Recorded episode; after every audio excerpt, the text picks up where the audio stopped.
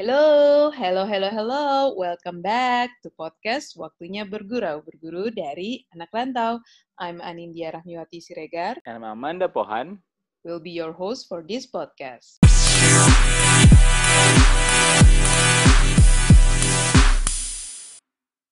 Halo teman bergurau. Halo. Hai, hai, hai. Halo, halo, halo. Akhirnya ya kita kembali lagi ada uh, pada Betul PSBB jilid 2 pastinya dan kembali juga Bener. ke podcast kita yang episode terbaru pastinya ya, Da. Dan di season 2 ya.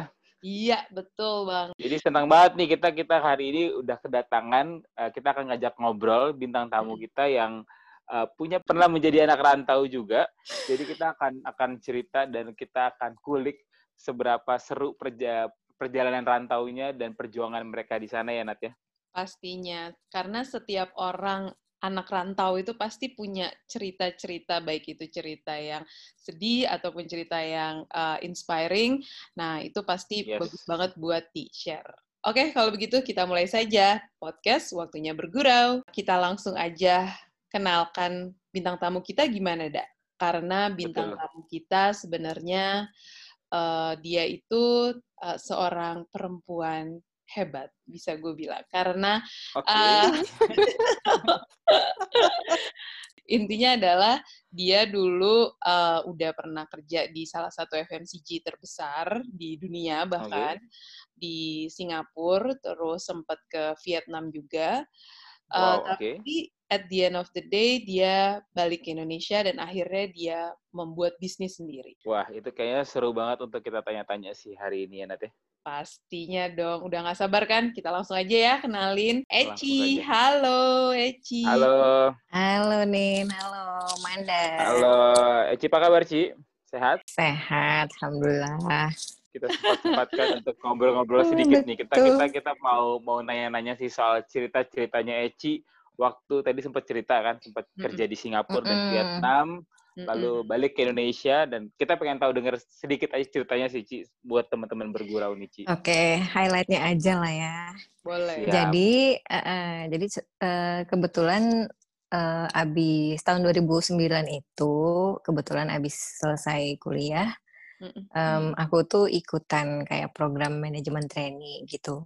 Nah, Oke. Eh, eh, jadi itu tuh waktu itu di Unilever, ya memang FMCG salah satu yang paling besar lah di dunia gitu ya. Yes. Nah, jadi aku itu ik- ikutan MT-nya itu untuk ngambil program marketing. Hmm. Nah, ternyata pada saat yang bersamaan sesudah selesai seleksinya, ternyata si Unilever ini juga punya program semacam MT tapi untuk globally gitu. Yes. Nah, oke. jadi pas keterima itu akhirnya kita nggak nggak ditawarin untuk kerja di Indonesia, tapi langsung diberikan exposure untuk menjadi eh, mereka nyebutnya sih semacam global graduate trainee gitu. Mhm, mhm. Nah, jadi stint pertamanya itu adalah di Singapura. Jadi kayak local hire-nya Singapura gitu. Kenapa di Oke. Singapura? Karena sebenarnya role-nya juga kayak role regional gitu loh. Jadi Mm-mm. Hmm. em, kalau FMCG gitu kan biasanya mereka punya global team, regional team, lalu ada local team yang di negara-negara.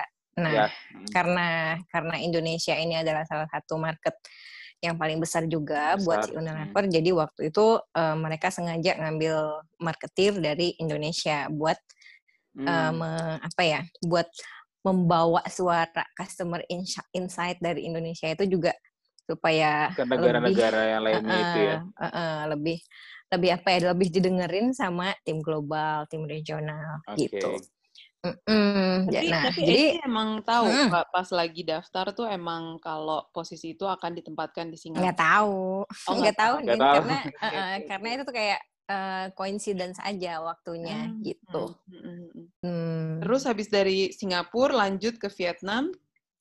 Itu total Iya, jadi tahun? karena jadi karena gini sebenarnya karena role-nya adalah marketing, jadi ada beberapa eh, bidang apa ya kayak beberapa aspek dari FMCG itu sendiri yang perlu kita mengerti gitu sebagai seorang marketer. Makanya Hmm. eh, dapat pertama exposure untuk brand development itu di Singapura, eh, lalu eh, perlu belajar customer eh, and marketing yang langsung di sales Nah, itu di Indonesia. Habis itu ah. sesudah ditempatin di Indonesia, uh, diberikan juga exposure untuk merasakan local market yang berbeda gitu. Nah, makanya waktu itu sempat ke Vietnam tuh enam bulan. Baru habis itu hmm. balik ke uh, Singapura sekitar tiga tahun ya. Wow. Jadi totalnya tiga tahun tuh ya di Singapura, mm -hmm. Vietnam tuh totalnya tiga tahun. Tiga tahun lebih lah sampai sampai selesainya, tapi enggak eh tiga tahun tiga tahun lah sekitar tiga tahun lalu memutuskan untuk pulang ke Indonesia nih kan setelah tiga mm. tahun di sana nih ya mm -mm, alasannya sekali. apa sih Ci? kenapa memutuskan untuk balik ke Indonesia karena kan mungkin oh. mungkin karir lo bisa jauh lebih lebih Iya gak sih kayak, Betul sih. kayak iya, dan apalagi pasti akan lebih besar kan? Iya dan apalagi udah FMCG terbesar terus udah tiga yes. tahun juga udah memulai, nah pasti ada satu motivasi kuat banget tuh sampai karena waktu itu waktu itu gue bucin sih. Oh, oke. Okay. itu penting. Oke okay, guys alasannya karena waktu itu, guys. itu belum ada istilah bucin ya. Belum belum belum belum. Baru baru sekarang sekarang setelah drakor ya Jadi ceritanya okay. uh, eh, waktu gue ditempatin di Jakarta itu, ya kan, hmm. ketemulah hmm. dengan seseorang, cie. Okay. Nah, yeah. terus akhirnya kita memutuskan untuk menikah. Nah, ternyata, jadi waktu itu gue juga sempet nih minta pindahin kayak sejenis transfer lah dari hmm. Unilever Asia menuju Unilever Indonesia kalau bisa gitu. Hmm. Nah, yeah. tapi ternyata tidak segampang itu gitu karena walaupun hmm. sama organisasinya tapi kan namanya uh, beda negara.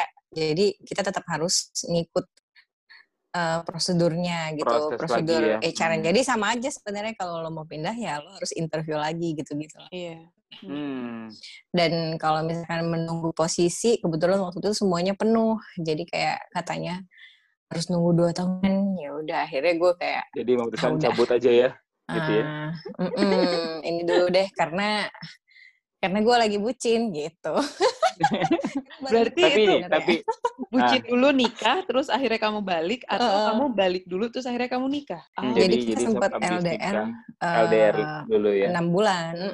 Oke oke oke. Sempat LDR dulu, baru akhirnya memutuskan untuk balik. Karena sebenarnya tadinya juga But, suami gue kayak mau apply untuk S2 di sana, tapi ternyata enggak apa enggak enggak ke situ jalannya gitu. Hmm. Ya, ya, ya, ya, ya. Tapi berarti jadi nggak nggak nggak jadi gitu. Uh, uh, dan sekarang akhirnya punya uh, sampai akhirnya ada brand Amara. Itu apakah langsung setelah balik dari uh, ya misalnya kamu memutuskan untuk Indonesia, terus akhirnya kamu uh, resign, terus akhirnya pindah ke apa sih bikin brand si Amara ini atau gimana? Mm -mm.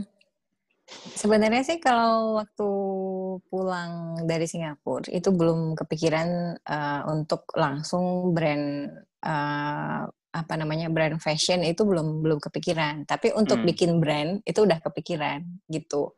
Hmm. Uh, karena um, balik lagi kerjaannya dulu di marketing pasti ya larinya ke situ juga kan gitu. Mm, yes. Nah, cuman um, soal fashion atau enggak memang tadinya memang udah kepikiran untuk berbisnis gitu berbisnis dan salah satunya adalah um, bikin brand dari dulu tuh kayak gue memvisualisasikan diri gue tuh emang hmm. sebenarnya hmm. bukan sebagai wanita kantoran sampai seumur hidup gitu hmm. tapi memang yeah. Ya. um, kalaupun misalkan gue uh, ngantor itu mungkin sampai beberapa tahun sesudah gue menikah tapi sesudah itu okay. gue memang melihat diri gue sebenarnya um, lebih ke pengusaha gitu bukan ke pekerja kantoran gitu. Oke. Okay. itu itu itu itu itu perlu di highlight sih bener. Mm. Karena lu udah tahu udah tahu tujuan lo jadi lu lebih lebih yeah. fokus kali ya untuk untuk untuk Betul. untuk menentukan langkah lu seperti apa gitu. Tapi kenapa mm. uh, fashion yang diambil Ci? Apa mungkin lo udah uh, suka sama fashion atau mungkin lu punya keahlian apa gitu? Kenapa fashion? Sebenarnya sih sebenarnya sih gini. Uh, kebetulan waktu itu juga abis gue lahiran itu gue hmm. uh, pakai kerudung kan. Nah, hmm, jadi okay. kayak ketemu momennya itu emang pas klik gitu. Uh, hmm. Jadi gue bikin uh, hijab. Nah, si hijabnya ini tapi bukan bukan hijab uh, kayak yang mainstream, yang biasa lah gitu. Hmm. Jadi hmm. jadi intinya uh, bikin hijab tapi sesuatu yang berbeda dari yang biasanya. Dan kebetulan memang uh, bisnis printed uh, pattern itu mulai hmm. naik daun saat itu gitu. Hmm. Yeah, yeah. Jadi kayak uh, ya gue tap in to that uh, opportunity first lah gitu. Mm-hmm. Nah, dan memang ternyata grow growth-nya itu paling besar ternyata dari situ. Pada mm. saat yang bersamaan memang bisnis uh, fashion muslim di Indonesia itu memang kayak lagi rising banget. Jadi memang yeah. mm. uh, pada saat yang bersamaan banyak uh, fashion designer muda, terus juga banyak brand-brand baru, terus kayak supplier itu mulai kayak menunjukkan dirinya sehingga gampang dicari gitu loh. Mm. Jadi memang apa ya? Jadi kayak um, semuanya itu uh, clap in together sehingga gampang buat gue juga uh, mulai memikirkan apa nih ini mau bikin apa ini mau bikin apa gitu-gitu. Nah mm. dan pada saat yang bersamaan sih gue juga mikir gini. Uh, tapi gini uh, apa ya? Gue bukan fashion designer. Hmm. Jadi uh, gue uh, jadi treatmentnya itu beda gitu. Jadi karena gue fokus di uh, produk, jadi bukan di nama fashion desainernya gitu. Hmm, bukan di jadi kita memang, uh, jadi kita memang mem membesarkan namanya si Amara ini, bukan kayak hmm. misalkan jadi brand namanya Yesi Surya Budi gitu, enggak gitu. Hmm. Yes. Nah, hmm. jadi memang ini tuh treatmentnya adalah sebagai uh, mass product mengawinkan uh, knowledge dari sana dengan uh, sentuhan mungkin gue dapat apa ya uh, sari-sarinya ilmu dari si Unilever dulu itu jadi oh, gue pakai beberapa approach itu untuk uh -uh. ke dunia fashion ini gitu oke okay. berarti tetap ada ya Ci ya maksudnya setelah ya dengan tiga tahun pengalaman kerja di luar negeri itu dan di FMCG sampai akhirnya kamu bikin brand Amara itu berarti ada pola pikir atau setidaknya cara pikir yang kamu pakai juga gitu kamu terapkan pas lagi di Amara gitu ya Ci ya? Ada, ada banget terutama uh, dalam ngertiin konsumen ya. Jadi hmm. sebenarnya hmm. sih yeah, yeah, yeah. Um, intinya sih kalau kalau gue mikirnya gini, um, kita mau jualan apa pun. Memang kualitinya harus comes first gitu.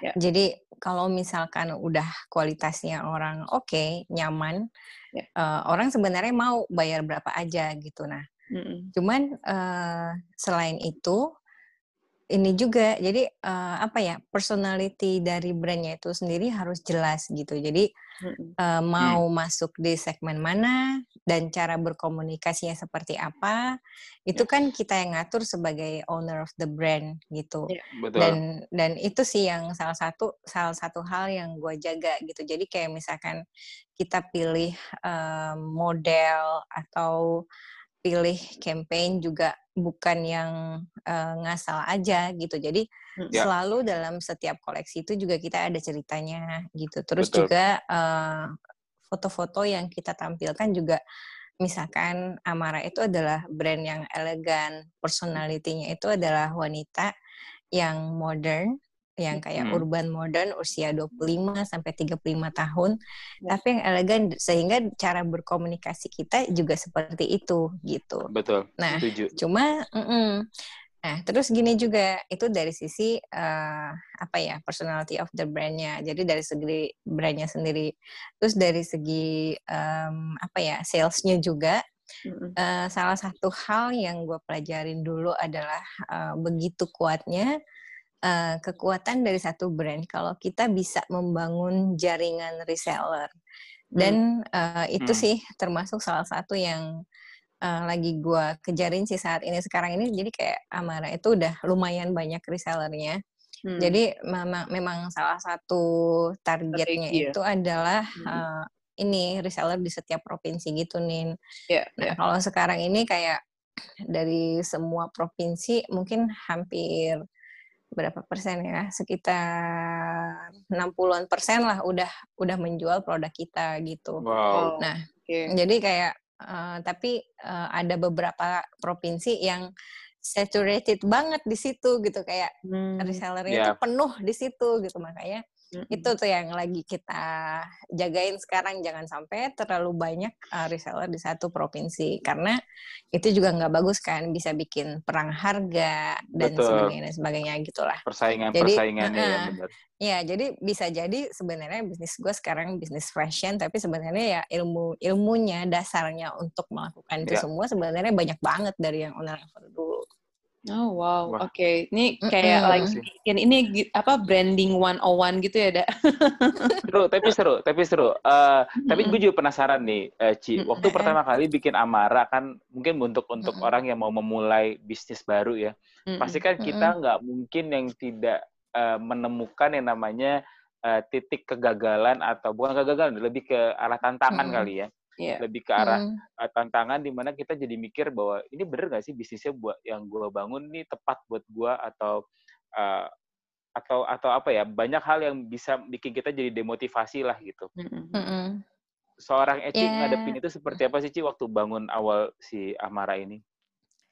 Sebenarnya sih gini kalau kalau demotivated sih kayaknya Uh, semoga jauh lah ya dari kata-kata itu gitu kan. Ya. Tapi sebenarnya gini, gue sih merasa bahwa uh, ada kebutuhan gue di bisnis ini sebagai apa ya kebutuhan aktualisasi diri gitu loh. Hmm. Jadi uh, itu satu hal yang membuat gue juga berusaha untuk um, selalu membalanskan kehidupan gue sebagai um, yang punya usaha dengan sebagai ibu di rumah gitu. Yeah. Karena hmm. uh, karena gini, kita terbiasa bekerja zaman dulu memakai apa? memakai pikiran kita untuk menjadi kreatif, terus aktif setiap hari yang ngitung, yang mikirin hmm. konsep gitu. Nah, hmm. itu tuh kalau lo langsung berhenti, itu tuh akan apa ya? stres kali. Uh, jadi stres. Iya, mm -hmm. betul. Jadi stres. Kita bisa depresi, serius.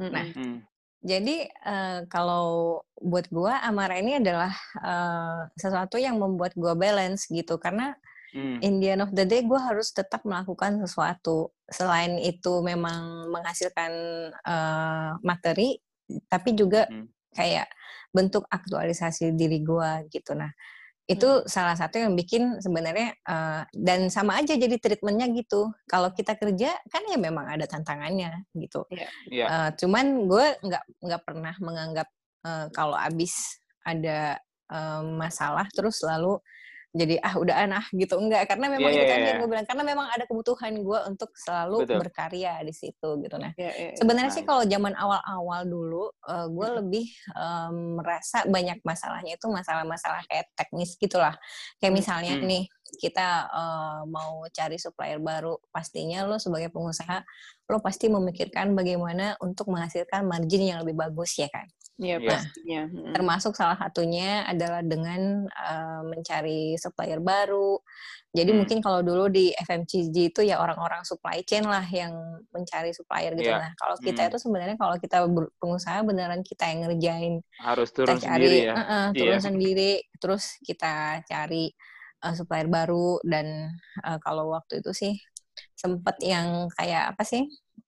Ada beberapa hal kayak misalkan dia udah ngeprint nih, ngeprint hmm, ngasih hmm, sampel ke kita, yeah. sampel warna, tapi sampelnya itu sampelnya kecil, sampel ukuran yeah. kecil, padahal bahan printnya itu untuk dijadikan baju gitu. Nah, hmm. kita udah approve dong warnanya. Ternyata sesudah di print banyak, udah udah ribuan meter gitu, sesudah barangnya jadi ternyata dia uh, barangnya ini tidak bisa dijahit. Kenapa? Karena ternyata dia mengeprintnya itu berlawanan dengan arah serat serat kain gitu.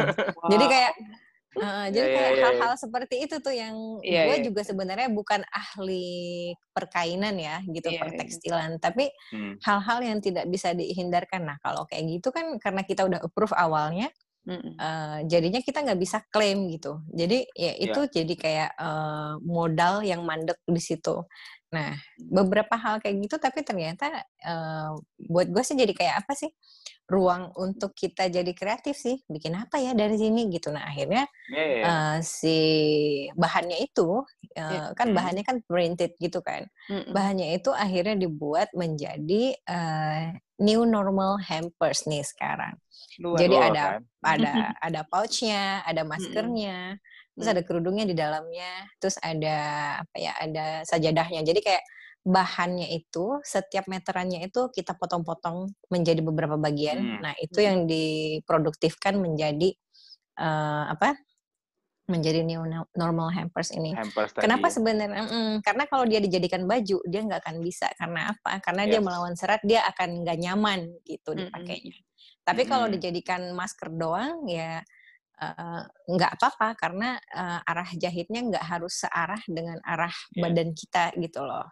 Hmm. Gitu okay. contohnya. Berarti kalau tadi nggak salah kan tidak menciptakan produk hmm. baru ya. Berarti bahwa bahwa memang setiap masalah, setiap tantangan tuh pasti punya side positif kalau kita bisa bisa bisa lebih kreatif kali ya, Ci ya. Iya, ya. memang memang itulah kayaknya salah satu intinya jadi pengusaha juga kayak gitu memang harus selalu kreatif dalam apa ya dalam semua ya, segala keadaan semua ya. semua iya lo bisa, mau bisa dilihat ya. margin, ya betul ya, mau memperbaiki margin malah buntung gitu tapi ternyata di balik mm -hmm. kebuntungan itu tinggal nunggu waktunya aja nih lo bisa menjadikan betul. sesuatu yang lain dari situ gitu wah biasa seru, seru, seru. Berarti brand Amara ini tuh udah berapa tahun Ci? Kalau sampai dari sebenarnya sih kalau registerednya itu yang formalnya itu mm -hmm. baru 2015 lima tahunan ya. Wow. Tapi kalau ininya kalau um, ya office jadi company itu baru tahun ini jadi PT. Ah, oke okay, oke okay, oke. Okay. Mm. Berarti lima tahun ini kan kayak tadi cerita kamu itu mungkin hanya satu dari beribu-ribu banyak masalah-masalah yang sebenarnya bisa terjadi kan? Benar, benar. dan dan pasti apalagi kamu harus ngebalancein dengan uh, menjadi ibu di rumah, apalagi kan tahun ini yes. anak-anak pada school from home itu aku kayak um, ngebayangin aja pasti hektik banget sih. Bener. kamu tuh kayak gimana bagi jam. waktunya gitu ya. Hmm, 24 jam tuh pasti nggak cukup gitu. Tapi sekarang nggak Amara udah udah punya banyak resource juga ya Ci ya dan udah punya toko kan ya. Nggak online aja kan ya. Offline itu kan juga perlu buat kita um, selain buat branding juga buat menunjukkan pada reseller kita kalau kita serius gitu. Hmm. Yes, jadi um, mm -mm, jadi memang uh, toko itu penting. Terus juga uh, untuk kayak pendaftaran usaha gitu gitu kan emang harus ada alamat harus ininya ya. ada alam uh, uh, makanya memang memang memang perlulah gitu hmm. nah kalau misalkan apa tahun ini tuh juga sebenarnya uh, banyak yang ini banyak yang mulai minta franchise gitu loh nin yeah, iya. jadi yeah. Um, mulai banyak berdatangan request itu jadi makanya kita juga udah uh, bikinin um, secara ofisial mm-hmm. PT-nya, jadi secara hukum udah sah gitu kan, makanya yeah. okay. supaya nanti kita juga bisa merumuskan kerjasamanya yang yang bagus, yang legal, yang menguntungkan lah sama franchise franchise-nya Amara ke depan. Yes. Cuman jadi ternyata tinggal... karena corona nih, ya karena ya, corona jadi ya jadi kayak ya oke okay lah tahun depan gitu. Tapi ya okay. uh, in the meantime kita developing ininya sekarang brand guideline-nya gitu-gitulah. Mm. Ya, dalam waktu dekat kita bisa lihat Amara di seluruh Indonesia atau mungkin di luar negeri bisa Amin. juga ya, ya. Amin. Siapa tahu di Singapura ya, Ci. Doain ya. Amin. Dong. Di Marina Bay Sands gitu ya. Ya dong di Marina Bay Sands pastinya. Amin. Ya, namanya harus dong, harus mimpi kan harus unlimited ya pastinya. Amin. Amin. Amin. Nah, berarti kan sekarang tuh Amara udah cukup besar dengan resource cukup banyak juga pasti ya Ci ya. Aku yakin kamu atau kamu ngelakuin sendiri itu semua. Kalau ad, ada lah masa ngelakuin semua bisa bisa nggak waras Kebayang sih apalagi anak-anak ini lagi kan uh, school. Iya. Uh, uh, sebenarnya kalau untuk untuk resource uh, udah lumayan terhandle, cuman mm-hmm. tetap aja namanya kalau kita butuh berkembang, kita kan pasti butuh lebih banyak orang gitu. Nah, yeah, yeah. Uh, ada beberapa rencana sih yang sebenarnya gue juga belum bisa kasih tahu gitu. Mm. Jadi tapi memang uh, ke depannya banyak nambah uh, resource-resource baru um, yang yang apa yang memang perlu ditambah karena memang kita serius mau berkembang dan um, mau menuju Amara di setiap provinsi itu tadi gitu. Okay.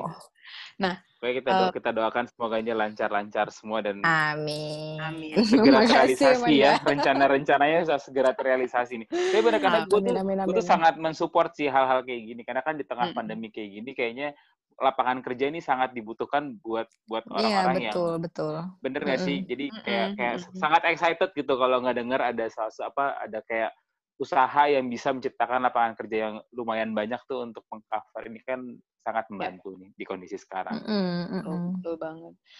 Nah Tapi Ci, uh, gue penasaran deh mm -mm. selama lima tahun kemarin ya, ketika mm -mm. Uh, menghadapi ups and downs-nya itu, apa kamu pernah mm -mm. Sempat ada di titik di mana kamu mikir, duh kayaknya udah deh gue harusnya balik aja deh kerja. Pernah gak sih? Atau kerja kantoran kamu, lagi gitu ya? Uh, kerja kantoran lagi. Atau kamu mikir, duh gue harusnya balik lagi di ke Singapura gue kerja di Singapura ya kayak kangen Waduh. luar negeri lagi gitu jadi anak rantau lagi pernah gak sih Ci? itu kayaknya aneh curhat iya. pertanyaan jebakan baru baru gue juga mau ngomong gitu kayaknya ini pertanyaan balik lagi ke Anin aja deh harus dan gue pengen banyak, tahu kalau menurut banyak ini nih bagaimana kalau oke okay, jadi sebenarnya gini mm -mm. Um, lo bisa berubah ke satu stage yang berbeda kalau itu lebih baik. Nah, hmm. kalau gue melihat uh, stage gue sekarang ini sudah lebih baik daripada yang dulu hmm. dari segala aspek, dari segala percintaan, cek, dari segala uh, apa, um, pekerjaan, dari segala materi yang sekarang udah jauh lebih bagus gitu. Hmm. Walaupun sekarang dibayarnya dengan rupiah, bukan dengan dolar. dolar. Tapi insya Allah sih, apa ya, ada kebahagiaan tersendiri pas lo bisa menggaji orang-orang dan mereka memang beneran menggantungkan hidupnya sama sama kita gitu yes. Yeah. Jadi uh, eh, gue tidak pernah merasa bahwa ini satu hal yang yang apa yang yang salah gitu. Hmm. Paling yang perlu yang kadang-kadang gue masih pikirin itu adalah kayaknya sih uh, sekarang ini kalau selama ini kan gue uh, pace-nya itu kan beneran yang nyantai gitu kan. Mm. Cuman kayak sekarang gue mulai berpikir untuk uh, lebih agresif kali ya gitu. Mm. Karena uh, seiring dengan kita menjadi apa menjadi badan hukum mm. udah harus bayar pajak yang gitu-gitu oh, iya. kan. Betul. Dan udah mulai mikirin uh, mikirin segala segala uh, apa ya beberapa perintilan-perintilan yang tadinya kita tidak pikirkan gitu. Okay. Jadi termasuk mungkin di dalamnya adalah uh, mikirin lagi-lagi bagaimana upgrade margin, hmm. gimana memperluas penetrasi pasar nih ke si in, seluruh Indonesia ini dulu, terus juga um, mungkin suatu saat bikin pabriknya sendiri gitu amin gitu jadi ya memang amin. memang ini sih uh, yes. memang apa ya itu sih karena kalau lo mau berkembang lo pasti untuk untuk menuju lo menjadi apa memperbaiki margin ya mungkin lo bisa bergerak ke industri uh, hulunya gitu. Makanya yes. udah kepikiran lah beberapa beberapa hal gitu dan seiring okay. dengan nambahnya orangnya nanti insya Allah bisa gitu. Cuman ya inilah menunggu apa ya? Nunggu corona ini nih baru yeah. take action. tapi ya, tapi ya itu tadi, tapi sebenarnya menurut gue juga corona ini tuh apa ya? bikin kita tuh jadi kreatif Aktif, satu yeah. dan mm -mm. Yeah. dan di sini tuh kelihatan loh kita tuh uh, sebenarnya sebagai pengusaha itu memang jadi kelihatan kita harus bisa membaca uh, apa yang lebih dibutuhkan pasar saat ini gitu. Jadi ya. memang hmm, kita tuh memang harus memberikan apa yang dibutuhkan daripada apa yang pengen kita berikan gitu. Jadi daripada memaks daripada memaksakan gua untuk mm, jualan baju print atau berjualan kerudung print saat ini, hmm. yang kita lakukan adalah memberikan atau meluncing produk-produk yang memang lebih dibutuhkan sama uh, customer saat ini ya kayak ya. misalkan yeah. masker gitu dan bikin maskernya pun kita nggak nggak nggak sembarangan jadi kita bikinnya hmm. maskernya itu bisa yang sampai revisi lima kali dari jahitannya hmm. dari kenyamanannya yeah. dari ganti bahan gitu bahannya karena, betul karena kita benar-benar pengen karena kita benar-benar pengen um, masker yang uh, nyaman dan protektif gitu. Dan Amara tidak pernah mengeluarkan masker scuba karena memang dari awal kita tahu tingkat hmm, efektifnya sangat ya. rendah gitu. Iya, memang ya memang gitulah. Jadi memang memang apa ya? Ada ada ada faktor di mana kita juga harus bisa mengedukasi uh, konsumen sebenarnya kan. Ya. Gitu. Jadi ya seru. Lumayan ini lah, seru kok. Mm -mm. Seru ya, seru banget. Makanya dengar ceritanya Betul. seru nih. Jadi uh, ini deh karena kalau kita ngomongin ngomongin ini kayaknya akan akan lebih panjang lagi nih ya Ci ya. Hmm, Jadi kita banget. mungkin harus menyudahi dulu nih Ci uh, obrolan kita di episode kali ini. Nanti kita akan lanjut di episode episode berikutnya dan dengan cerita Amara akan buka cabang di sini di sini di sini. Nanti kita cerita lagi ya Ci ya. Pastinya dong ya Ci. Siap siap siap. Tapi boleh nggak sih Ci untuk menutup episode ini nih Ci kita uh, boleh nggak sih share ke teman bergurau Ci uh, tentang tips and triknya dari seorang Eci untuk uh, untuk teman bergurau kalau punya keinginan untuk bisnis sendiri atau buka bisnis usaha baru gitu ya. Ada nggak sih tipsnya dari seorang Eci yang mungkin bisa di-share ke teman bergurau, Ci? Oke, okay. jadi yang pertama mungkin kalau kita mau mulai bisnis, um, sebenarnya kita harus lihat dulu jangka panjangnya kita mau bawa bisnis itu ke mana gitu. Hmm. Jadi dalam jangka panjang kalau kita mau survive kita pasti pengen melakukan sesuatu yang kita suka ya kan hmm. nah supaya kita uh, bisa melakukannya dalam jangka panjang menuju menuju visi kita tadi ya kita harus melakukan sesuatu yang kita suka jadi kalau misalkan um, misalkan Anin nih hmm. Anin misalkan pengen uh, punya bisnis hmm. terus Anin melihat aduh sebenarnya aku tuh sukanya apa ya jadi sebenarnya kita juga bisa ngeliat dari dari hobi atau dari sesuatu yang relevan yang sangat relevan yeah. kepada diri kita sehari-hari gitu jadi kayak misalkan gue gue pakai kerudung ya gue pakai kerudung gue ada kebutuhan untuk memakai kerudung yang stylish dan oke okay setiap hari iya. sehingga yeah. mm. gue juga merasa apa yang gue lakukan itu beneficial buat gue gitu ya, jadi yeah. Uh, itu satu terus yang kedua um, kalau misalkan ada up and down itu ya biasalah dalam bisnis. Tapi hmm. ya itu tadi balik lagi ke goal lo yang awal tadi. Hmm. Lo mau berbisnis itu buat apa? Ya kalau buat gue tadinya ya itu juga salah satu bentuk aktualisasi diri gue gitu. Jadi memang apa ya? Memang uh, itu sesuatu yang memang harus gue lakukan hmm. gitu. Terus juga uh, mungkin tips yang ketiga jangan dipikirin terlalu lama mulai aja dulu. Ya. Nah, itu yang paling penting eksekusi tuh ya pastinya ya. Eksekusi, ya. kayaknya eksekusi itu paling penting karena apa? Karena kalau kita nggak mulai-mulai, mm -hmm. semua ide kita tuh ada di pikiran. Tiba-tiba mm. nanti orang lain udah bikin duluan. Udah duluan Betul ya. banget ya, Betul. Ya, betul banget. Ya, Bener betul. banget. Karena emang dari pengalaman kadang kita kayak, aduh pengen ini, pengen ini. Terus akhirnya kayak yang uh -uh. di pikiran doang. Akhirnya nggak nggak lanjut. Iya. Ini okay, sebenarnya masih okay. pengen banyak lagi kita belajar ya, ya tentang branding, tentang nanti, marketing, nanti. tentang building branding. Tapi mungkin nanti di episode selanjutnya ketika Amara nanti ada, ada di beberapa provinsi di Indonesia pastinya ya Cia. Ya. Yeah. Oke, okay. kalau begitu terima kasih. Doain ya.